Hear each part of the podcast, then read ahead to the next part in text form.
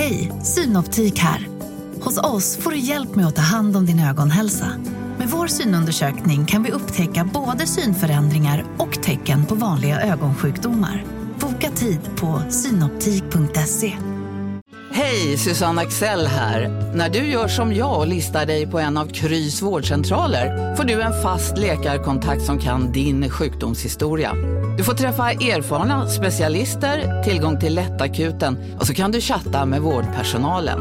Så gör ditt viktigaste val idag, listar dig hos Kry. Hej Sverige! Apoteket finns här för dig och alla du tycker om. Nu hittar du extra bra pris på massor av produkter hos oss. Allt för att du ska må bra. Välkommen till oss på Apoteket.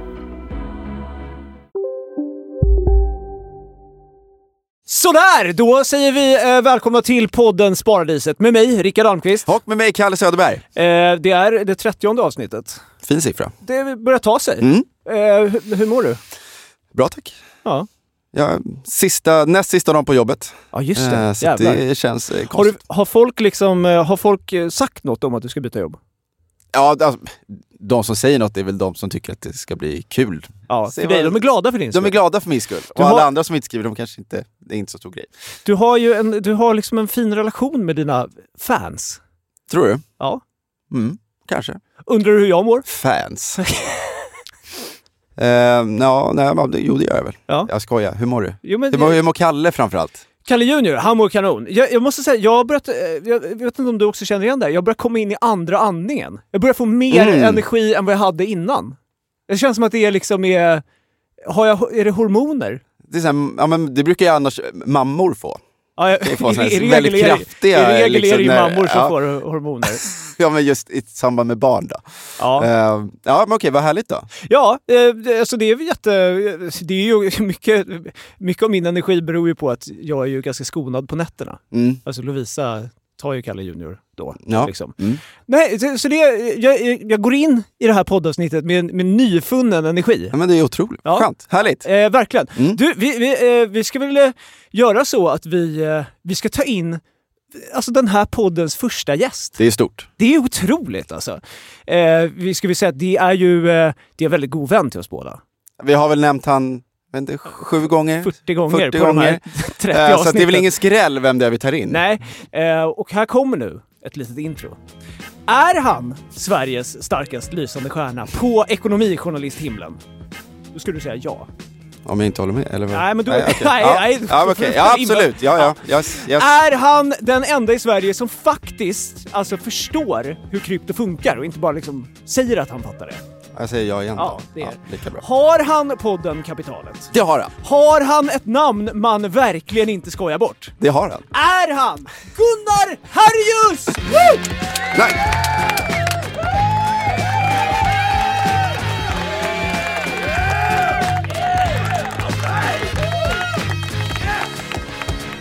Wow, Ja, det vilken var grej. mäktigt. Det var ja. fan riktigt fett. Ja. Verkligen, verkligen. Du, eh, hur mår du?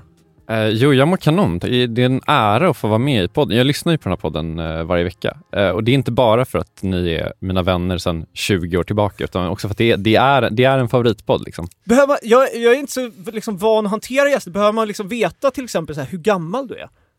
Eh, Bryr sig folk om det? Jag är 32, Ja. så oavsett om man bryr sig om det eller inte så vet man det nu. så. Ja, exakt. Eh, du, du har ju podden Kapitalet. Du är också, du är väl på ett sätt, alltså i en viss mån, liksom Kalles konkurrent i, i form av medieutrymme. Gud, ja. jag är väldigt avundsjuk. Ja, är det, Det så? är liksom eh, Ekonomibyrån, det är P3. Vad är det mer? Morgon, morgon, eh, vad heter det? Morgonstudion. Har du varit där? Ja, ja, visst. Ja, Ja. ja exakt. Ja. Ja, du är allt jag vill vara. Nyhetsmorgon. Nej, inte Nyhetsmorgon, Nej. bara SVTs B-version. Ja. Det, det är ju så Gunnar, du börjar ju gå eh, mot en tillvaro som, eh, som känd.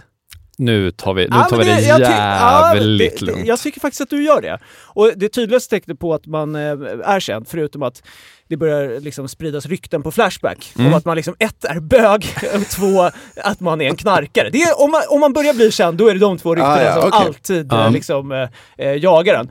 Eh, men men det, det tredje, det är ju också att eh, folk, liksom folk i din närhet får frågan, men hur är han egentligen? Ja, får du den frågan Mm. ofta om mig då? Ja, det händer. Det händer. Fan vilken jävla skarv att du har fått den frågan. jag har fått den. Jag har fått den.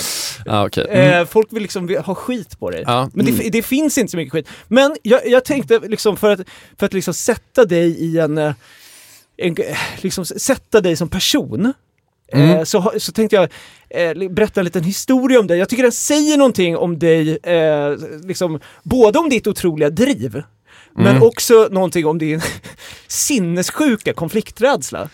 Åh gud. Ja, ja, jag, jag är- vet inte vart det här är på väg, Nej. men jag hatar det redan. Ja, men du får väl invända om jag, jag kanske minns den här historien lite fel. Men, Ja. men det är i alla fall så här att du, tidigt i din karriär, i din journalistkarriär, så Mm. hade du en jävla vikariat eller vad det var, på P4.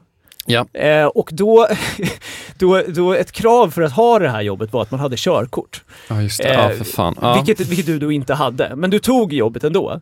Och eh, när det då vankades reportage ute på, liksom ute, ja inte ute på, alltså det kunde ju varit ganska långt ut. Då, eh, då gick du, för ni, ni hade någon jävla garage då, Ja. eh, där man hämtade ut då en sån här eh, Sveriges radiobil. Då gick du till receptionen, tjena, jag skulle vilja hämta ut en eh, nyckel till bilen. Och sen samtidigt som du gjorde det så hade du förbeställt en taxi som du tog då till de olika platserna där du skulle göra reportage på. Exakt, som jag betalade själv också ska Ja, sägas. Ja, det, var, det gick inte på några licenspengar. Jag tycker att det, jag tycker att det, det säger någonting om dig. Jag vill också säga, alltså, den sommaren som var i Göteborg när jag jobbade där, det var ju liksom, alltså det fanns, det finns ju några förmildrande omständigheter kring det här som är typ så här, jag, jag sökte jobbet i typ så februari och det skulle börja i juni. Och Ja. så tänkte jag så här, ja men får jag jobbet, då tar jag väl för fan körkort under våren. och så, så fick jag jobbet typ så här andra juni och så började det tredje juni. Ja, okej. Eh, Ja. så det, och sen så också, sen så ägnade jag då hela sommaren, eh, om man jobbar på en nyhetsredaktion så får man nästan alltid göra de jobben man själv pitchar in. Ja. Eh, Så jag ägnade hela sommaren åt att så här, hitta nyhetsstories och pitcha grejer som var liksom gångavstånd från Radiohuset i Göteborg.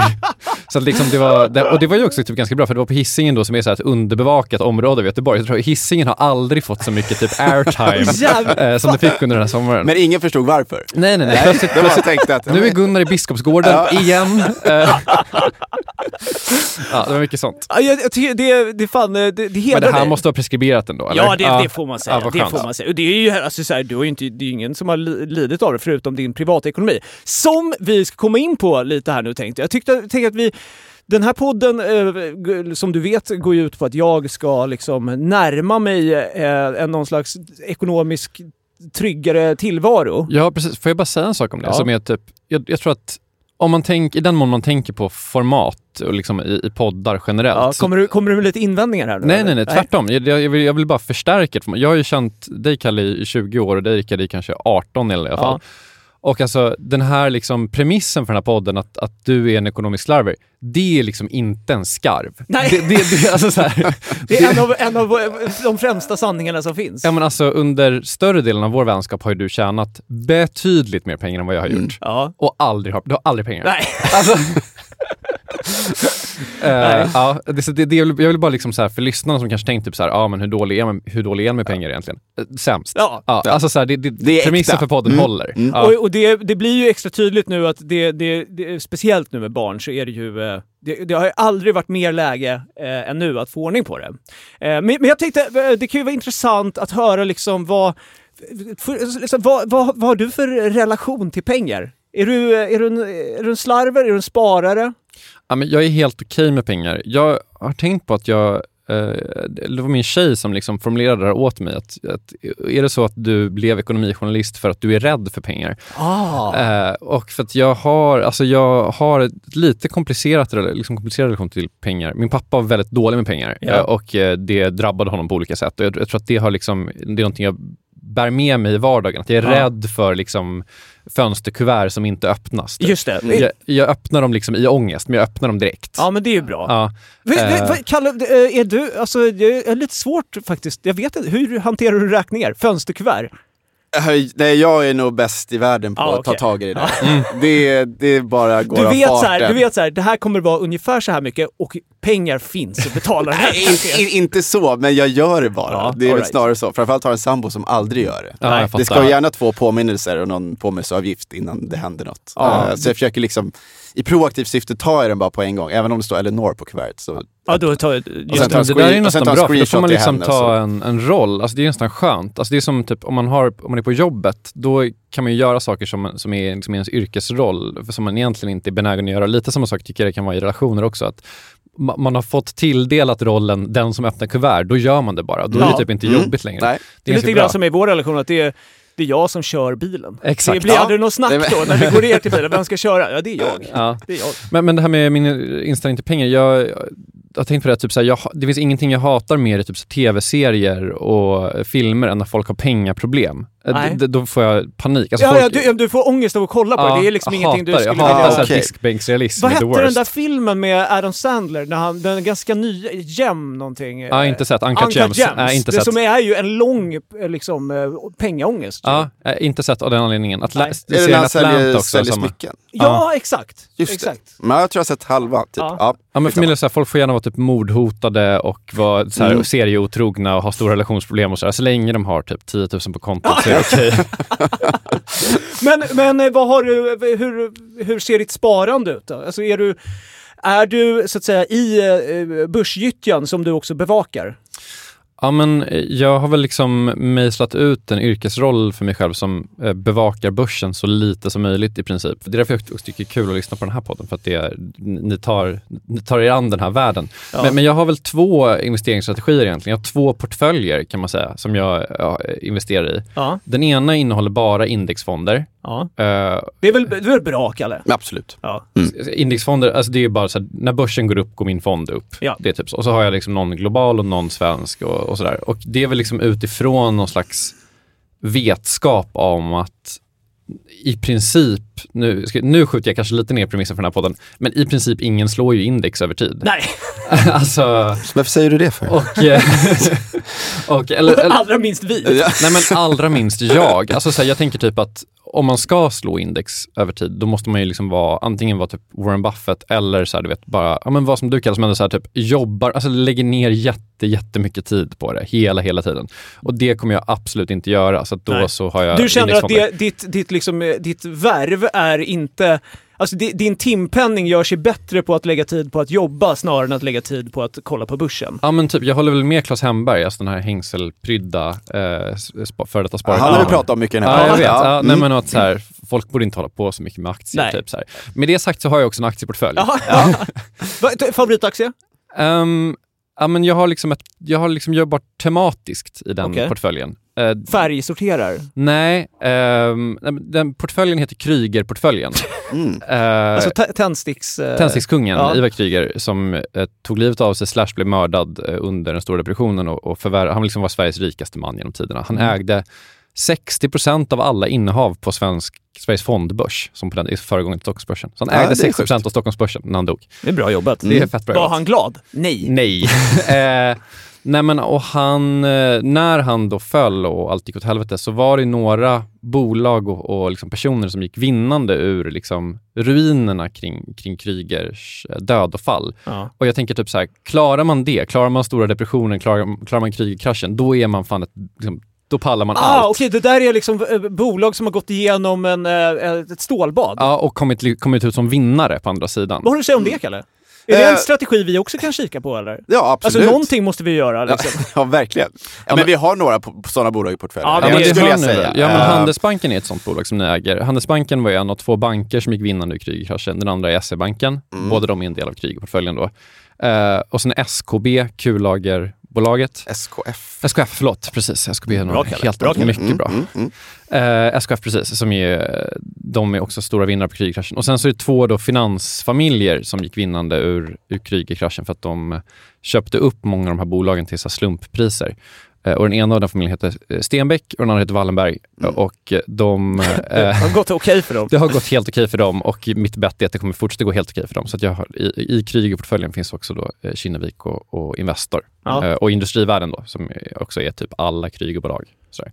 Ja. Så att, jag, jag, kan uppmana alla, om man tycker att det är kul att hålla på med, med aktier ändå, att det är, så här, det är ganska kul att göra tematiska portföljer. Ja, alltså, så här, sure. det, det, det har, det, det har Kanske något, mer liksom, kul än bra, eller vad? Ja, men Nej, just, men det alltså Krügerportföljen har slagit index. Ja. Eh, sjukt nog, eh, på tal om att ingenting slår index. Eh, men det är också typ ett, en väldig minoritet av mitt sparande som ligger där. Det är mest för att det är kul. Ja.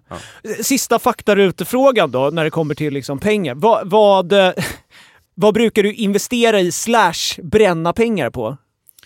Jag bränner pengar på eh, typ dyra köksredskap och restauranger. Ja. Ja, eh, alltså matgrejer är, är en, en, en, en betydande utgiftspost för Ja. mig. Ja, eh, ja. Och Jag investerar i Krygerportföljen då? investerar i krigportföljen och eh, Bränner bränner, på avsmakningsmenyer. tycker det låter ändå, jag tycker ändå det låter rimligt. Ja. Eh, du, eh, som vi sa tidigare, du är ju eh, alltså expert på krypto.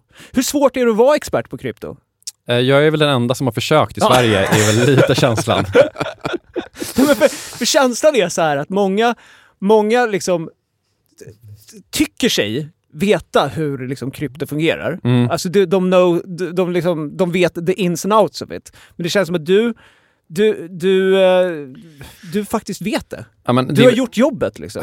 Ja, ish. Alltså det är jävligt, eh, det är jävligt krångligt och det finns väldigt många, många ins och många outs och man måste väl typ så här, om man faktiskt ska fatta allting så måste man ju också typ så här veta hur man kodar och sånt och det vet ju Ja, inte jag. just det. Men, men eh, eh, jag skulle säga liksom en grej med kryptovalutor och liksom hela den världen som väl i och för sig en grej jag håller på allt mindre med ska sägas, Ja. men, men ändå I takt med att, eh, i takt med den att det blir kursen. mindre och mindre Ja. relevant. Ja. Typ. Ja. Nej, men, eh, det är väl att typ, de flesta som vet väldigt mycket om krypto är väldigt, väldigt investerade i krypto. Eh, Ja, alltså, så att- själv, de har stoppat in mycket pengar i det. Ja, exakt. De Ja. äger bitcoin. Liksom och Just sånt där. det. Så från att ha varit väldigt högljudda så är de inte lika högljudda längre. Ja, men de, Ja. de gapar på. Det, Tycker du det? Ja, alltså, Ja, jag i, i min DM-inkorg i alla fall. Ah, ja. ja, ah, ja okej. Ja, fair enough. Du hade en podd också.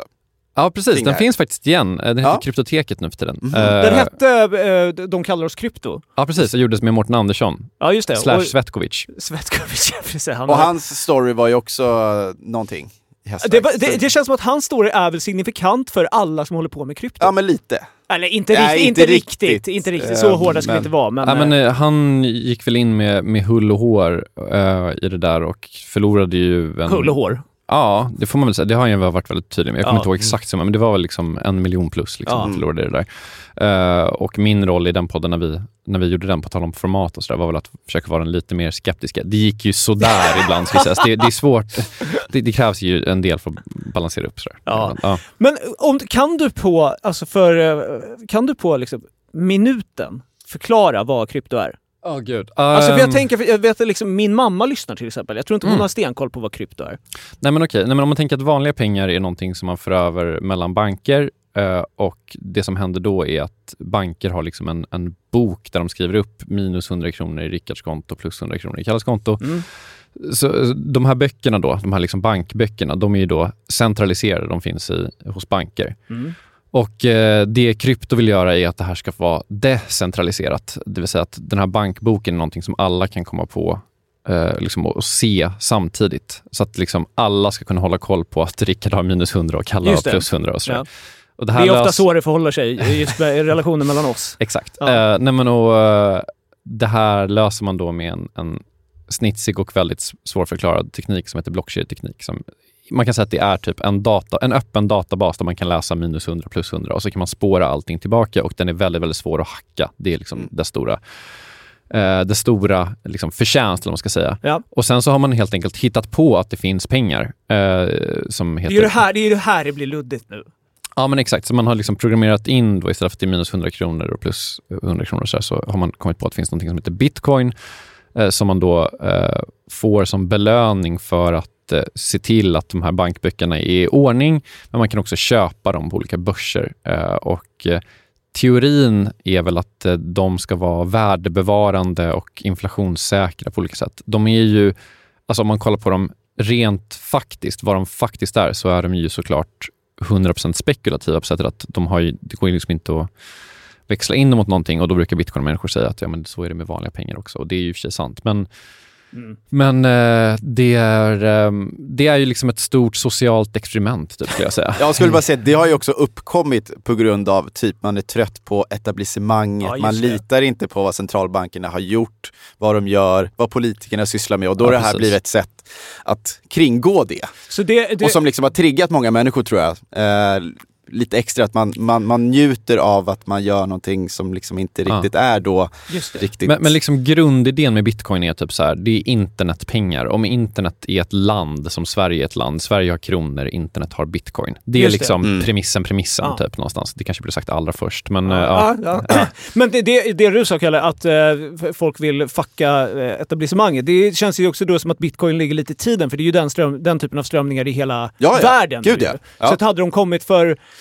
om tekniken hade funnits för f- 15 år sedan, då kanske det inte hade varit lika...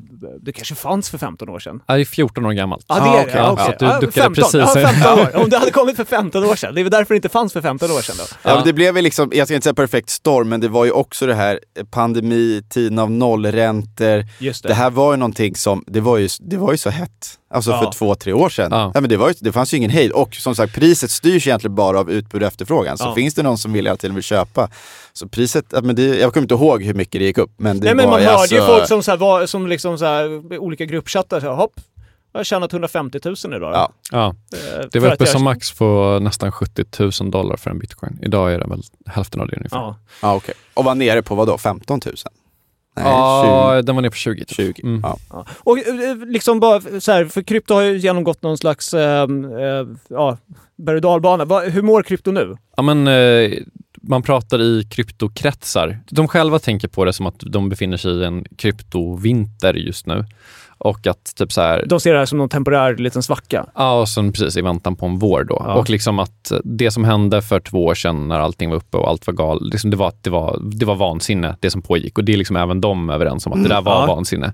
Och typ så, det gjorde att väldigt många människor lyckades skamma till sig väldigt mycket pengar, men nu typ så kan man då under en period då ingen bryr sig om krypto faktiskt bygga någonting på riktigt. Och det är väl frågan eh, vad det riktiga är. Typ så här, jag är väl ganska övertygad om att bitcoin kommer överleva i någon form. Sen är inte jag så här jätteintresserad av typ så här prisuppgången och pris- prisnedgången på det. Men så här, jag tror att det projektet kommer överleva eh, och kanske ett par till. Men så här, i något läge fanns det ju 12 000 kryptovalutor och, Ja. och det har man ju jävligt svårt att se att, att de ska vara relevanta på något sätt. Så här. Men Ka- Kalle, vad, har du liksom... Vi har ju inte pratat så mycket om bitcoins. Liksom. Alltså, vi har väl benämnt det, men eh, har, du, har aldrig varit nära på att köpa bitcoins? Liksom. Nej, jag var väl en av de som eh, kände att det här står jag nog utanför. Ja. faktiskt. Av Eh, anledningen... Alltså dels, dels av eh, okunskap. ja, Att jag kände att det här är lite kr- Ja, även om jag vill förstå så känner jag mest att sättet att kunna lära sig det var att kolla på, på Youtube på massa karismatiska, ofta män, Ja. som pratade väldigt gott om det här. Och jag kände att nu är vi i någon typ av bubbla och jag, absolut, hade jag varit tidig på det hade det varit en annan sak. Men, jag, men du, jag är också seg på saker, det vet du. Ja, Jag är en, liksom en late adapter. ja men, Eh, men i det här fallet kanske inte det var så... Alltså det är klart, om du köpte då... eh, Om du skulle köpt bitcoin för 14 år sedan, det är väl klart det hade varit bra. Men det ja, hade ju- eller för fem år sedan. Eller för fem år, ja. Eh, Så det är klart att man hade kunnat hoppa på det tidigare om man hade förstått allting bakomliggande. Men det jag tar med mig återigen att det var extremt många duktiga och smarta killar och tjejer Killar. som ändå som, ändå, som ändå var i det här, som kunde sjukt mycket Ja. och som hade så himla fel. ja. Ja. Som då också frångick och kanske äga då de största bitcoin och ethereum. Det är Just ofta det. de man det är handlar. två, de två största valutorna va? Ja. Ja, och sen Ja. finns det då massa, vad heter det? Heter det altcoins? Säger man så? Massa mindre coins. Just det. Eller vad, ja.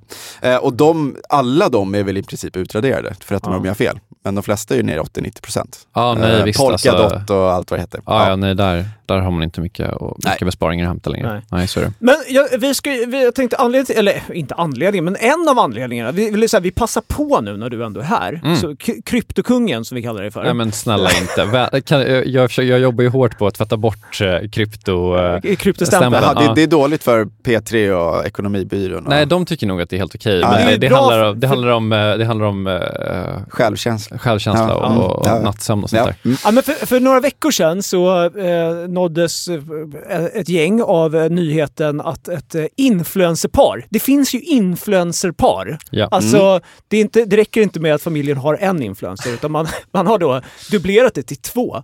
Det är alltså mamma, pappa, influencer. Mm. Och de eh, har hållit på och börjat med någonting som heter NFT. Eh, det är ju då alltså en form av krypto. Eh, ja, det får man väl säga. ja. Ja. Man handlar med, med digital konst. Till exempel, men Ja. ja. vi ska inte göra allt för komplicerat. Så ja, ja, Ja. ja. Mm. De här, det här influencerparet då, de har eventuellt, vi ska väl, bra- vi ska väl säga det, alltså de har eventuellt då blåst sina följare. Det, är väl, det, det ordas väl fortfarande om huruvida de har begått något Alltså klandervärt. det man kan säga är väl att de har, eh, att deras projekt som de eh, sålde väldigt aktivt till sina följare har gått i konkurs. Ja, eller eller Mm. gått under liksom. Jag vet inte om de har officiellt lämnat in konkurspapperna för bolaget, men, eh, men det har ju det har liksom upphört. Ja. Så Ja, men kan tänkte, det kan vara intressant att bara eh, liksom grotta lite i den här storyn för att jag, jag, det är ju liksom en, en eh, historia om, om högmod, om liksom hybris och om ja, sorg. Bra sammanfattat då tycker jag. Kan du, ge Eh. lite, kan du ge lite bakgrund på den här storyn? Ja, men det finns då en influencer som heter Vanja Wikström som är väl någonstans, liksom, typ, jag ska inte säga att hon är mamma-influencer, men, men hon är så här Ja, livsstilsinfluencer det, får, man- heter, det heter väl det bra. väl. Det Ja. väl bra. Eh, och eh, hon blev då, och hennes man blev då väldigt intresserade av liksom hela den här kryptovärlden och de bestämde sig för att lansera då ett NFT-projekt. Och Året var? året var 2021, Ja. måste det ha varit. Mm. Eh, Jag är så jävla dålig på årtal, men jag, jag tror att det måste varit 2021. Ja. Nej, men, och, eh, det- de liksom skulle göra i princip var typ så här, de, som du är inne på, digital konst. Man, man sä- säljer liksom bilder, digitala bilder på eh, liksom, ja, konstverk. I deras fall var det på någon slags eh, liksom, målningar av kvinnor och det fanns någon slags kvinno-empowering-grej going Mm. där. Och eh, de här, eh, liksom, poängen med att de- här då ska vara liksom kopplade till blockkedja och sånt där är ju då att eh, de ska vara unika, men också att man ska liksom kunna använda dem i princip som digitala nycklar till olika ställen. Det, är- det är en annan grej som den här tekniken kan möjliggöra. Mm. Eh, Alltså och, du, ja precis. Som ett, typ ett blippkort, typ, fast mycket mer komplicerat. Ja. Och eh, det de lovade, eller det är frågan då, lovade de eller lovade de inte det här? Nej. Det de skrev Det att, de har varit otydliga med. det de skrev skulle kunna hända var att de, om de sålde slut på alla de här 10 000 bilderna de skulle sälja så skulle de öppna någon slags eh, kontorshotell i Stockholm för Just de som, eh, med yogastudio och sånt där. För, och, och då skulle alla som hade köpt en sån här bild få tillträde till det där. För då skulle de få in 30 miljoner. Enligt Var det? kursen som Enligt var den. precis just Ja, då. Ja, exakt. precis. Och det här var ju liksom på den absoluta toppen de började Mm. prata om det här. Och sen gick det ett halvår och den absoluta toppen försvann. Och sen så, Som, som absoluta toppar ofta gör. De försvinner. Ja, men det försvann fort också. det försvann jävligt Eh, fort också. ja. Och eh, jag tror att när de lanserades var väl best case att de kunde få in 10 miljoner ungefär. Eh, utifrån att kursen hade förändrats. Och eh, de sålde absolut inte de här 10 000. Jag kommer inte ihåg exakt hur många de sålde, men kanske en tiondel av det där eller någonting. 2000 kanske det var till och med. Och eh, sen så eh, efter ett tag så slutade de prata om det här kontorshotellet. Ja. Eh, och eh, då eh, utan sa att det kommer inte bli av för att vi har inte sålt allting utan istället blir det någon slags digital lösning och jag tror fortfarande inte den är helt Det presenterad. är också snä snäppet, alltså om man, om man har köpt, om man, om man har investerat i någonting för att man tänker sig, fan jag skulle ändå behöva en kontorsplats Mm. i Stockholm. Ja, Typ då- som nu när vi står i konvent och känner sig, men Exakt, nice. Ja. exakt. Ja. Då, då är det ändå så här, liksom, ja men då, då kan jag lägga in de här. Men att, Gå på digitalt vernissage. ja men det är Alltså, inte lika lockande Nej, då. nej. Alltså man, Nej. jag kan ju förstå att man som investerare eh, höjer ögonbrynen. Ja. Ja. och det är väl här som är grejen, var gränsen går för de här entreprenörernas dumma entusiasm och vad som är vilseledande egentligen. Det Ja, men lite... det finns ju många saker här tycker jag som är typ så här, vad är det egentligen man har köpt då? För att om man, om man jämför med typ ett aktiebolag då. Om man köper en NFT, jag tror att många tänker på det som att man köper typ en del i det här bolaget. Men Ja. de facto gör man ju absolut inte det. Utan man Just har, det. man har liksom ingen typ rösträtt liksom Nej. egentligen. Och alltså det, det finns ingen, man har inte alls den, de fördelar som finns i aktiebolag. Utan man köpt en produkt som ska ge vissa grejer och sen ges inte de grejerna. Okej. Är inte, det liksom, är inte det snudd på att man kan höra av sig till eh, så här, eh, vad heter det, reklamationsombudsman? Alltså så här, jag har Ja, en produkt kanske. som inte jag har fått. Ja, men sen så står det då liksom så här i... Jag, jag, måste erkänna att jag vet inte exakt hur finstilt det här var. Nej. Jag håller fortfarande på att gräva lite i det här. Men liksom, det står ju också typ så här, det här, den här kartan då, roadmappen som man pratar om, liksom så här, det här kommer hända eh, när eh, projektet lanseras. Grejen. När vi är uppe vid, den här milstolpen så händer det här och vid nästa milstolpe Ja, det exakt. här. Där, där står det ju då liksom så här, och vi kan inte lova det här om inte vi säger slut på allting. Just det. Det står det ju också. Mm. Så att det är så här, någon sorts konsumentansvar finns det också. Jag ska också säga eh, en grej att jag intervjuade henne alldeles i början innan hon lanserade det här. Mhm. Och Ja. det kanske är min, eh, min minst framgångsrika intervju. På Eh, vilket sätt då? Nej, men, jag intervjuade henne då för den här podden som jag hade med Mårten och Ja. den var, det var väldigt, väldigt okritiskt och, Ja, eh, okej. och inte Mm. så bra tycker jag. Alltså, det här är liksom en, det här är bara en personlig åsikt, men typ det, fanns tusen anledningar till att det blev så. Att typ, det var liksom sista sekunden och, Ja. och allt sånt där. Men eh, skitsamma, jag borde kanske inte ha gjort det där bara. Eh, Utan, och det här, men det här gäller liksom inte bara mig, utan det var liksom mycket stor media skrev också om det här när det kom. Att typ, Som, en, som något nytt coolt häftigt eller? Ja, men exakt. Utan liksom, att vara så här, vad är det ni egentligen säljer? utan att ställa frågan kanske typ så här, är det rimligt att om man köper en, en bild för 3000 kronor att man får typ så här livstidstillgång till ett kontorshotell?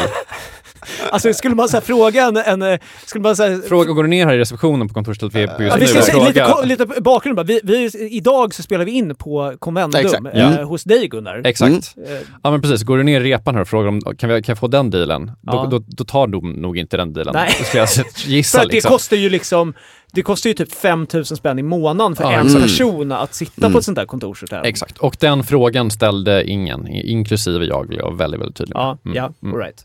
Eh, men okej, så, så, men det som hände sen var ju att, alltså det, det började i somras började det på eh, ett forum som var kopplat till deras företag här då. Eh, Ja, Dis- en Discord-server. en. Discord-server. Ja.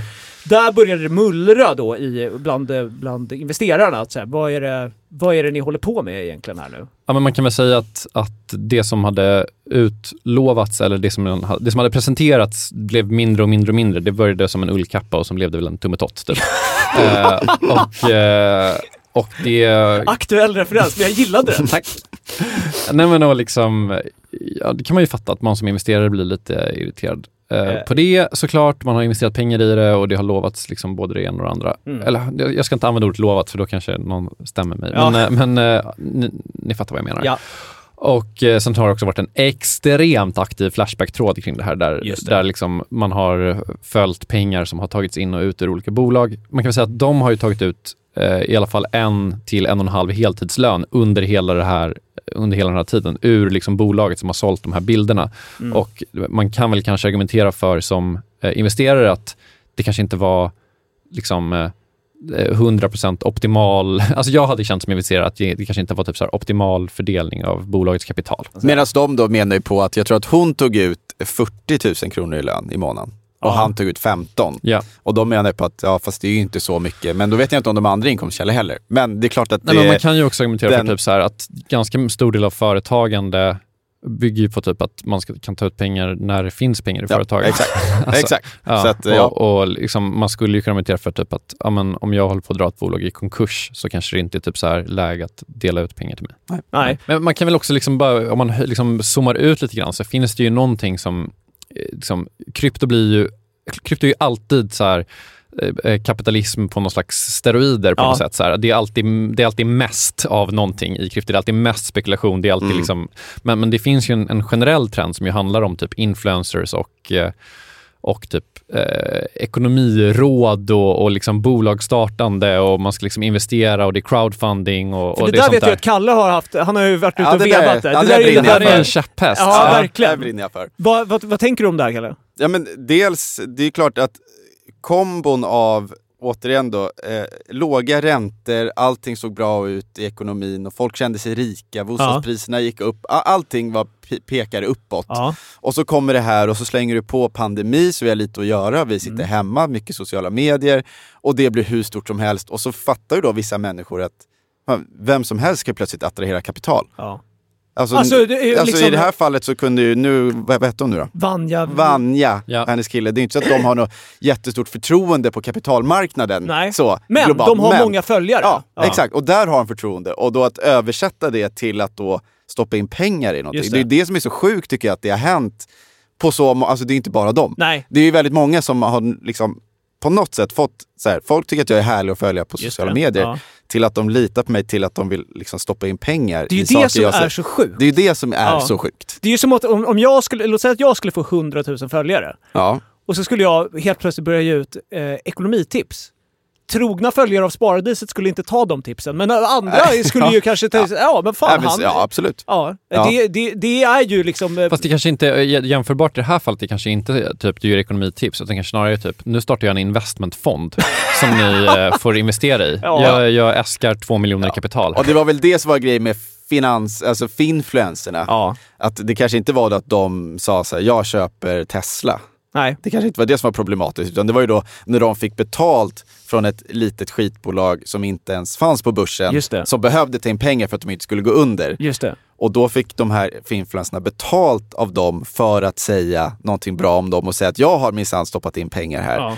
Ja. Eh, och så. Och Eh, även om inte det är, jag vet inte huruvida det är liksom lagligt eller olagligt, men det man kan säga är ju att det är ju, det är ju etiskt tveksamt ändå. Att Gud, ja. använda sin eh, oerhörda maktposition. Men jag vet att det där var uppe på alltså, EU-nivå någonting, hur man ska hantera det här. Eh, jag vet inte vad utfallet blev, men Nej. det är ändå en, en ganska stor grej. Ja, men i kryptofallet då, liksom som den här NFT-historien blir, så är det ju, eh, det är ju extremt omstritt hur det där ska regleras överhuvudtaget. Mm. Och det kommer ju komma lagstiftningar eh, som kommer göra att 99% av typ alla kryptoprojekt kommer vara liksom fucked. Typ. Men- är, är det konsensus där ute? Tror få- de flesta att det, det, Att det kommer regleras. det är dit vi ska? Alltså EU har en, en omfattande lagstiftning som kommer komma snart. Ja. Ja, det, så blir det. Och då kanske det är det som ändå behövs. För att det också ska, det som blir kvar, att det ska komma in i finrummet, eller?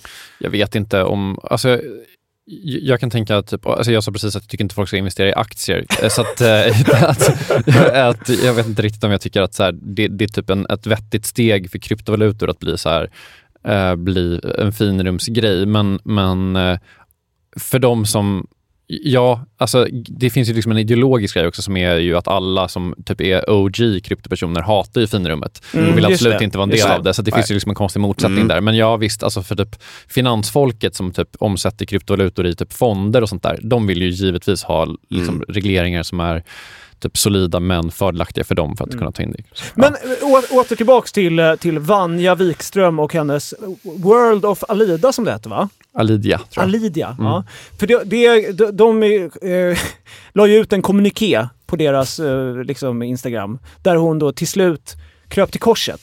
Eller Mm. de krö- kröp hon till korset. Det, det, liksom, det sket sig. Ja, hon, det var typ det hon sa. Det här sket sig. Mm. Eh, och, och förlåt för det. Typ. Men eh, vi, Och vad vi kämpade. då? Och innan dess hade de väl haft en hemsk sommar på Gotland också ska sägas. Ja, för de hade det. ju köpt ett hus då och det var ju många där på ön som var så här, men ni har ju köpt det här huset för våra pengar. Ja, just det. Eh, Så de hade haft Så, och eftersom hon är också då, eh, hon måste ju då också lägga ut innehåll Ja. på det här huset för att liksom hålla sig relevant. Så det blir ju Ja. eh, snurrigt, Ja, man snurrigt. säga. Mm. Ja, exakt vart de här Gotlandspengarna kom ifrån är väl ännu inte riktigt klarlagt. Nej, men exakt. eh, ska vi vara tydliga Nej, men det är väl mycket, Nej, verkligen inte. Och det, och det ska vi väl ändå vara tydliga med. Det är väl mycket i den här historien som inte är helt klarlagt. Men jag tycker att det, hela den här historien sätter väl ändå fingret på hur snurrigt det kan bli med krypto. Gud ja, och Ja. typ hur otroligt lite konsumentskydd det fortfarande finns. Ja, Mm. just det. För vad händer nu då med de här, jag vet inte hur många det var som hade investerat.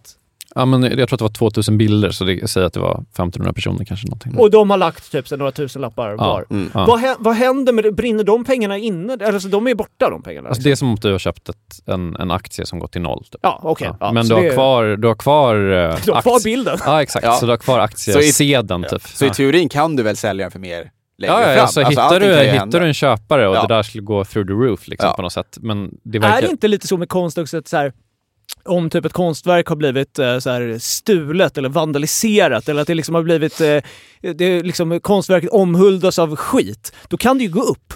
Så att om, om, det kan ju ligga i World of Alidias intresse att Ja. liksom håsa upp den här eh, liksom shitstormen. Ja. Ja. Det här är en del av konstverket. Exakt, Ja. och då kanske, det kan ju vara tips från oss till dem. Att liksom stöka till det ännu mer nu. Då är det bara problemet, det finns väl en miljard eh, digitala tavlor där ute som är värda noll. Ja, fast, Ja. Det, fast, fast ingen... Om, om, om de följer Rickards råd nu så skulle ju de, Word of Lydia kunna bli liksom de mest om... De, de sämsta så att de- säga. Ja, ja. Ja, ja, ja, ja. Varsågoda för tipset säger vi.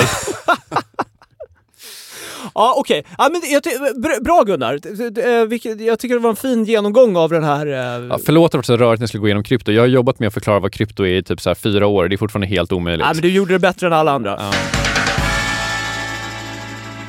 Hej Felix, du hade en, hade en fråga till mig? Ja, då, då är det dags för eh, frågelådan. Eh, Gunnar, vad tycker du om frågelådan? Den har en härlig vignett Ja. och... Eh, en, en sparsmakad vignett. ja. Verkligen. Och eh, jag saknar i och för sig eh, eh, liksom gamla Kalle på Spången. Ja, just det. Ja. Den kanske kommer Det gör vi tillbaka. alla. Ja, Ja. det är många som gör det. Men eh, frågorna brukar vara bra. Ja, Ja. Eh, vi får se om... Vad, det är en fråga om Viaplay.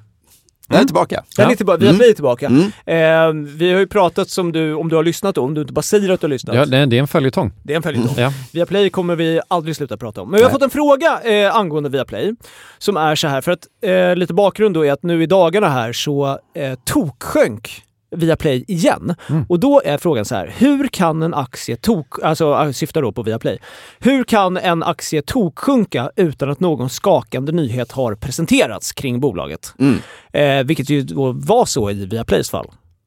Kalle? Och då ska jag svara på det. Ja, rimligtvis. Eh, ja, men, eh, för det första så, så brukar man faktiskt säga att börsen konstant består av överreaktioner både upp och ner. ja. Alltså ibland så är det ju faktiskt så att en aktie kan gå upp 10% utan en nyhet och den kan gå ner 10% utan en nyhet. Ja. Och det är lite så det är. Det får vi kalla för brus eller vad du vill. Men det händer ju hela tiden. Alltså Ja. det är ju en marknadsplats med köpare och säljare och ibland så kan det ju vara så att någon verkligen vill ut. Ja. Så i det här fallet kanske det var någon som satt på många Viaplay-aktier som ville få dem sålda. Vi fick ju fråga från eh, Anton, din polare, ja, precis. som ju sa att... eh, Ja, men Jag tror han kommer bli ledsen när du, säger, när du refererar till honom som min polare. Ja, jag förlåt. tror han vill se, Ja, det- han det är nog mer verkligen- sugen på att vara din polare. Det är egentligen jag också. Ja. Ja. nej, ja det var Ja. dumt. Uh, ja, men då sa han, om jag hade haft en miljon i den här aktien, vad det nu var, någon sån här Öres-aktie. Ja, Ja, och jag ska sälja alla de här. Just det. Hur gör jag då? just det. Och då var vi inne på att... ja, Men då, Urbit heter den. Ja, just det. Ja. Då menar vi på att det finns ju bara si och så antal många aktier på olika kursnivåer Just det.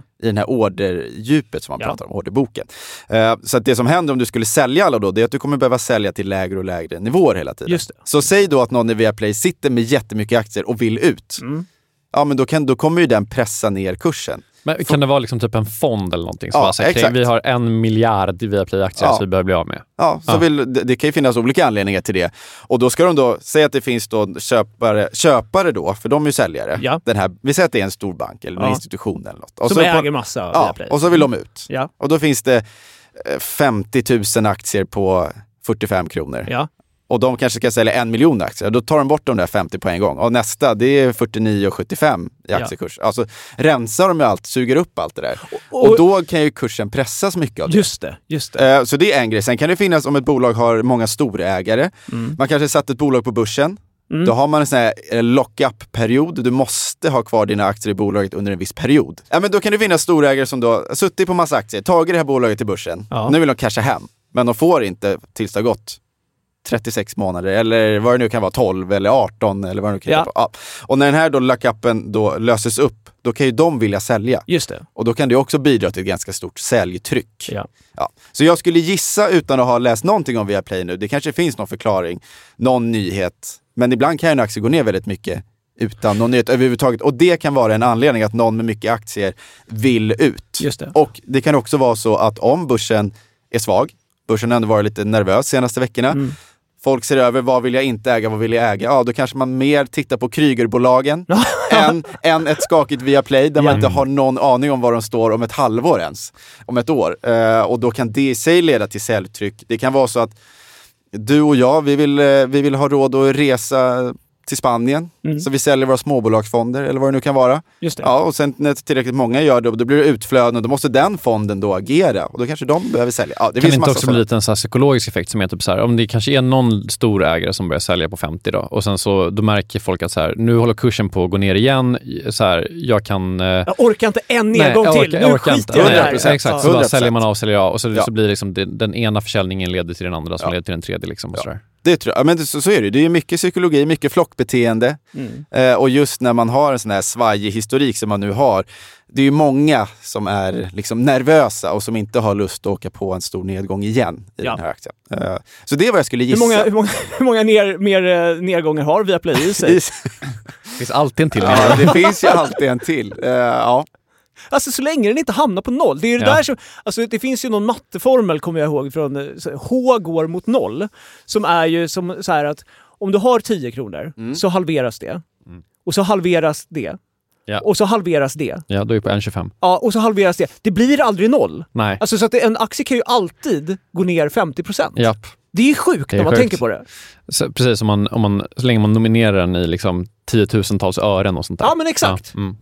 Eh, ja, fick med Ja. lite rafflande mattekunskaper från mig. Men jag, eh, Men det här, då måste jag bara säga då, det finns ju bolag som, kolla här hur mycket den här är ner totalt. nu visar du upp en eh, Ja, bild på Saxlund. Saxlund Group. Första aktien jag köpte. Ja, Ser att den den är ner 100? 100 procent. Det är inte, 90, det, det är inte 99,9 Men den är också ner 1 procent idag. Och det är ju sjukt. ja. Men det kan ändå gå ner uppenbarligen. Men Ja. de, de har gjort så många emissioner och så här omvända splittar. Ja, Massa knas. Ja. Katastrof. Det känns som att den där aktien kan vi nog ha. Saxlund Group. Du vet att de skulle bli nya Nibe. Det var därför jag Aha. hakade på det här när jag började med aktier när jag var 18. Apropå Nibe, vad stort. Jag fick hem i brevlådan fick jag hem en, en, eh, sån här Ja, årsrapport. det? alltså en fysisk Va? eh, lunta med Ja, Nej, papper. mäktigt. Det var, var stort. Kollar du lite i den? Nej, jag har inte öppnat den. Nej. Eh, Men det ska jag göra, verkligen. Men jag tycker att du har besvarat frågan väl? Ja, om ni, ja jag känner att Eller jag... jag, jag fattar Jag känner det. Ja, Jag fattar Ja, det. Bra Kalle! tack.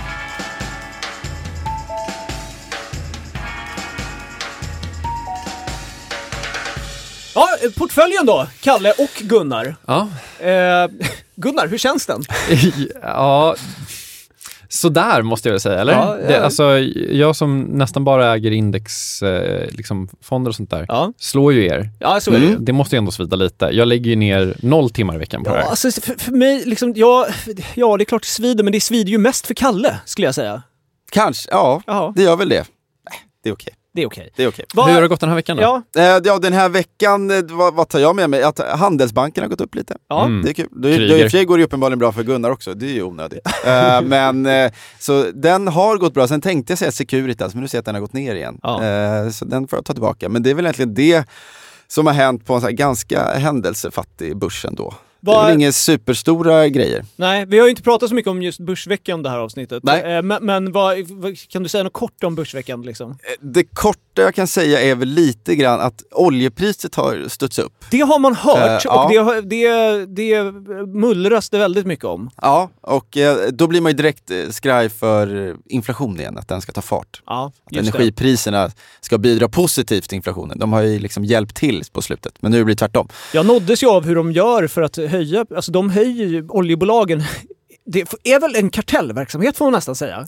Det är inte bara nästan, det är väl utav OPEC. Ja, det exakt. är ju en, Ja. är ju en kartell. För då, då stryper de bara, då skiter de ju att borra upp olja och sen Ja. så ökar De har bara en liten kran i princip, Ja. alltså Mm. krasst, Ja. som de skruvar på. Ja. Och sen så minskar eh, tillgången och eh, efterfrågan ökar. Och så, så har de höjt priset.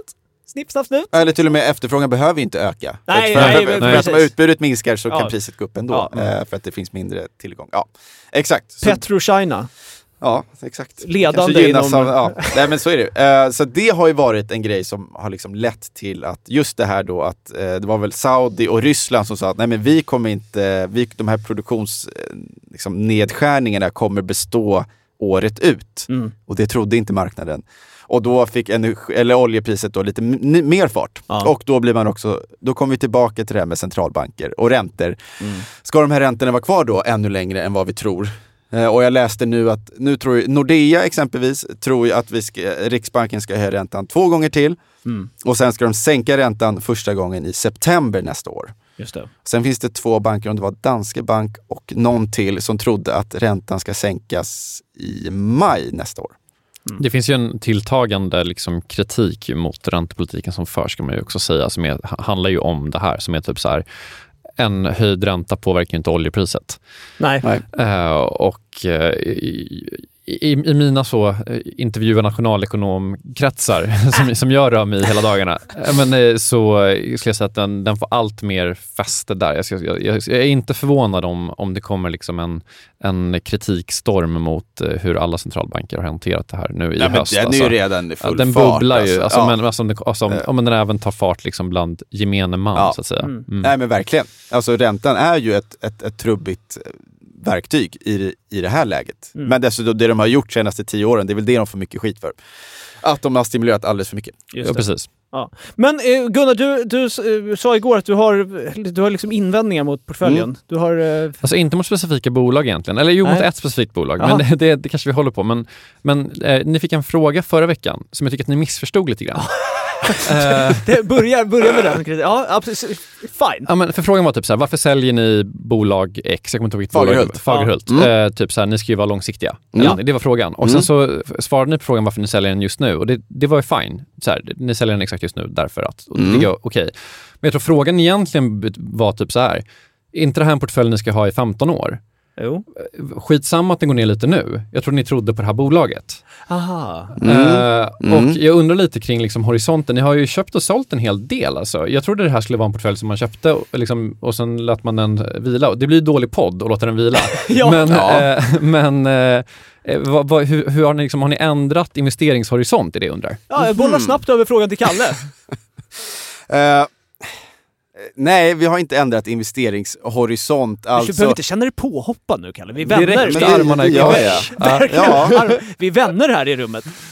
okej. Ja, nej, men alltså, jag, jag är också bara genuint nyfiken Ja, på hur nej, ni men- funderar på Ja. kring liksom, varför sålde ni Fagerhult? Ja. Mm. Eh, ja, eh, först och främst investeringshorisonten, alltså om vi då säger när Rickard ska använda pengarna, Ja. den är ju oförändrad. Mm.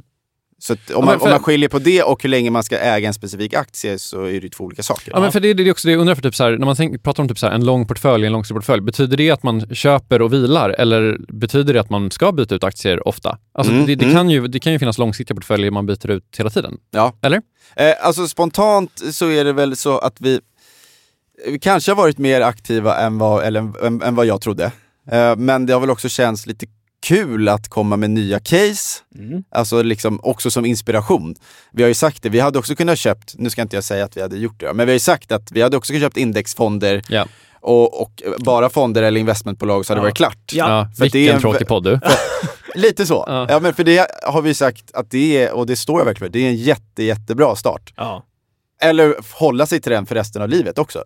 Men Mm. det blir ju också... Speciellt för en sån som, om, framförallt om jag på sikt ska ratta det här själv så är det ju... Ja, och kanske för mig också, Ja. eftersom jag då tror kanske att jag vet bättre än alla för att jag sitter i den här branschen. Jag Eller tycker så ska det- jag hålla på och kladda. Liksom. Kalle, vet du, jag tycker menar- att du med, med, med all liksom önskvärd tydlighet ofta är väldigt ödmjuk inför det. Att du Ja, inte, det är faktiskt. Det, det är du faktiskt. Ja, Ja, det, ty- verkligen. det tycker jag också. att Ja. jag. Mm.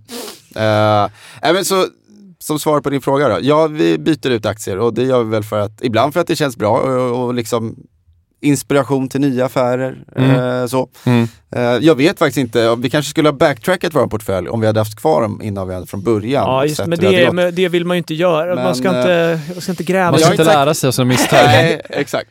Ehm, Ja, men det var min ena eh, fråga till, till portföljen. Min Bra, andra fråga, bra. den är ju riktad ganska mycket till Kalle, men den är ju också till Rickard. Det är ju er, er näst största förlustaffär, Tobii. Tobbe, ja. Eh, och ja, men kanske ändå Kalle, att det här är en attack på dig.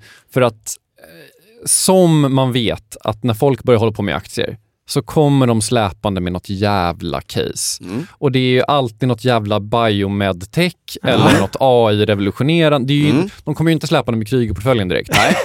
Eh, och så säger de så här, det här bolaget, vad tror du om det här bolaget? Det är ascoolt för de håller på med så här eye track. Exakt. Och ditt uppdrag i den Ja, här borde podden, stått du borde sagt nej. Ja. Alltså, eh, eller om du sagt ja, som du nu gjorde, haft lite mer på fötterna kanske, nu minus 25 procent eller något sånt där va? Eh, och, och alltså liksom, tro, eller så här, trodde du på Tobi? Eh, Hade du koll på Tobi? Liksom, för att, liksom, det här är ju liksom babys first stock på något sätt. Liksom. Och baby i det här fallet är Rickard. Ja. Alltså, Eh. och, och, eh, men jag, jag bara kände så här, det finns ju liksom en lärdom till lyssnarna här som är typ så här, är man nybörjare eh, så är det ju inte den typen av aktier man ska liksom, köpa om man inte liksom, känner att, eller nej, även om man känner, framförallt om man känner att det, det kommer bli bra. Ja, får, jag, får jag bara hoppa in till Kalles försvar här lite grann? Ja. För att jag, jag det, först och främst var jag ganska påstridig Ja. med det där. Ja, men det- Eh, det- ja, men- det- det- det förstår men jag. Och sen så tror jag också att vi, eller jag tänkte i alla fall så här att, det, att köpa en sån här aktie, för jag, trots att jag är väldigt färsk på börsen, Mm. så fattade jag också att det här är en en eh, volatil aktie. Alltså, här är ett bett. Det här är ett bett. Ja. Och jag tänkte väl lite grann så att är det inte lite kul att ha ett sånt bett i portföljen så man kan se vad som händer med den. Mm. Jag vet, det kan också varit så att jag kommunicerade det här med Kalle off mic, eh, men att Ja. det inte har nått eh, Nej, poddlyssnare. men jag har för mig att vi hade Nej, en ganska lång tror- diskussion kring eh, det. Ja. Ja. Alltså din syn på det och du var medveten om risken, jag var medveten om risken. Ja. Ja. det, fanns, det fanns ett resonemang som ändå var hyggligt. Ja, Ja. nej, men okej, Ja. jag fattar. Men, men jag, jag bara tänker liksom, eh, som liksom en, en generell regel så ska man väl bara säga nej till Rickards 15 första förslag typ. Alltså, ja men på riktigt, alltså, det, det är väl någonstans, alltså så här, som man inte kommer dragande med liksom Drux, Biomed, Holdings Nej, men du, och du sånt har där ju liksom. givetvis eh, rätt, eh, På låter något det ju så. som. Ja. ja, men på ett sätt. Ja. Å andra sidan, det är inte Men jag så hoppas att... ni behåller Tobii nu. Ja, men vi har ju för till nu- och med sagt att nu gör vi det. Nu Ja. är det, den här, det är ju den sista aktien som lämnar Så nu är det portföljen. ju Ja, men så är det. Aha. Så är det. Ja. Eh, samtidigt som det också är lite kul att jag exempelvis så tycker att Hexatronic är kanon, men den har gått ner 60% och Rickards har gått ner 20%. Eh, Jo, så jag att, vet, men eh, Hexatronic är ett specialcase, det måste man ändå säga. Ja, det tycker jag också Ja. att det är. Det tycker jag också att det är. Eh, Där, där, Ja, där, ja. är, där kan jag ta ditt försvar faktiskt. Ja. Ja. Eh, Men som sagt, Tobii är ett av 12 innehav. Vi får, Ja, nej, vi men får, jag vi får vet. se det så. Ja. Men, men absolut, jag håller med. Egentligen så är det ju mycket i den investeringen som är kanske inte det vi förespråkar. Och, men någonstans så är det 11 andra innehav som ändå är okej. då. Mm. Ja. Men eh, Gunnar, eh, det är ju, eh, vi kommer ju på sikt här behöva förmodligen byta ut någon eller köpa till någon aktie eller så här. Ja. Har, du, har du ett tips? Alltså jag är, ju, om det inte har framgått, ingen aktieperson. Nej, liksom. men du kan ju av, på känsla bara. På Nej, samma men- sätt som vi. Nej men alltså vibbmässigt, så, nej, men då gräver jag väl i Krygerportföljen och säger SKF då, rätt in. Ja, Stabilt, kommer världen sluta behöva kullager? förmodligen inte. Förmodligen inte. Världen rullar. det gör den verkligen. Ja. Eh, Jag blir livrädd när jag hör det. vad, Ja. vad tycker du om SKF? Ja, men jättefint välskött verkstadsbolag, men eh, Du om man... pratar ju ofta om verkstadsbolag Ja, som... eh, exakt. Liksom, Och tror man på sämre tider så är det ju också, SKF är ett av de bolagen som känner på det först. Mm. Eh, Så att om det nu är så att vi börjar nosa på en recession så tror jag i alla fall att det finns mer nedsida. Alltså jag tror att vi har sett toppvinster i många av de här verkstadsbolagen. Ah, okej. Jag, är, jag är lite Men, försiktig men ni just köpte nu. Industrivärden förra veckan, eller hur? Det är ju ett annat favoritbolag som jag har. Ja, exakt. Ja, men den har nog gått bra också. För då är det ju Volvo, Sandvik, Ja. Det har jag lite Ja. mer att hålla i. Fattar, Alltså. fattar. Ja, men, eh, ja, men, okej, men eh, Stenbeck då? Stenbeck klarar sig Ja, alltid. just Ja, Kinnevik. Kinnevik. Det är också lite, man, man, alltså, det är ju något med Stenbeck. Mm. Alltså Jan Stenbeck. Ja. Han är ju, Kingen. han är verkligen Ja. kingen alltså. Frånvarande far så det sjöng om det. Eh, och klandervärd på många sätt. Men eh, han, vet du vad han hade? Han hade ett driv. Ja, det hade han. Ja, får man säga. Jag ska väl bara säga om portföljen, att vi då, vi fick ju då lite skit för att vi köpte en global fond och industrivärden Ja, och sålde Fagerhult. just det. Ja, Men, men än så länge har det i alla fall varit rätt. Det vill jag ändå bara påpeka. ja men bra. Eh, Mm. Både industrivärden och, och globalfonden är upp 2,5 procent. och Fagerhult? Det är inte Fagerhult. Nej. Gött. Den är plus minus noll. Ja, men det är i alla fall någonting. Ja, Bra, det, det är jättebra Ja, Det ja, är visst. Tack, Hur bra som tack. helst. Otroligt, Ge mig mer. Men eh, hörni, vi, eh, det, vi, det, kanske, det kanske var eh, portföljen och det, med det så kanske det var hela avsnittet. Mm. Hur, hur känns det Gunnar? Vad, vad, hur tycker du att det var, var här? Så kul att vara med. Ja. Eh, älskar den här podden. Ja, men, och vi älskar dig. Ja, verkligen. Glädjande. Ja. Fan vad härligt. Ja. Och, eh, vi är tillbaka på måndag igen. Så länge kan man lyssna på kapitalet. Ja, Det kan man Det- verkligen göra. Det ska vi verkligen passa på att säga. Mm. Eh, Den kommer också på måndagar. den kommer på måndagar. Ja. Så först Spardiset, sen Kapitalet. Jag brukar säga att det är den snyggaste finanspodden. Tack. Ah, Rent, sant. alltså, ja, alltså när man lyssnar, det är mycket och bra, alltså det, man, det ni pratar om är också bra, men det är mycket snyggt runt omkring. Ja, det är ver- verkligen ett tips. Ja. Kapitalet. Mm. Mm, vad Eh, gulligt. bra. Men eh, ja, vi är tillbaka på måndag igen. Det är vi! Underbart. Tjingeling! Tjingeling! Kapital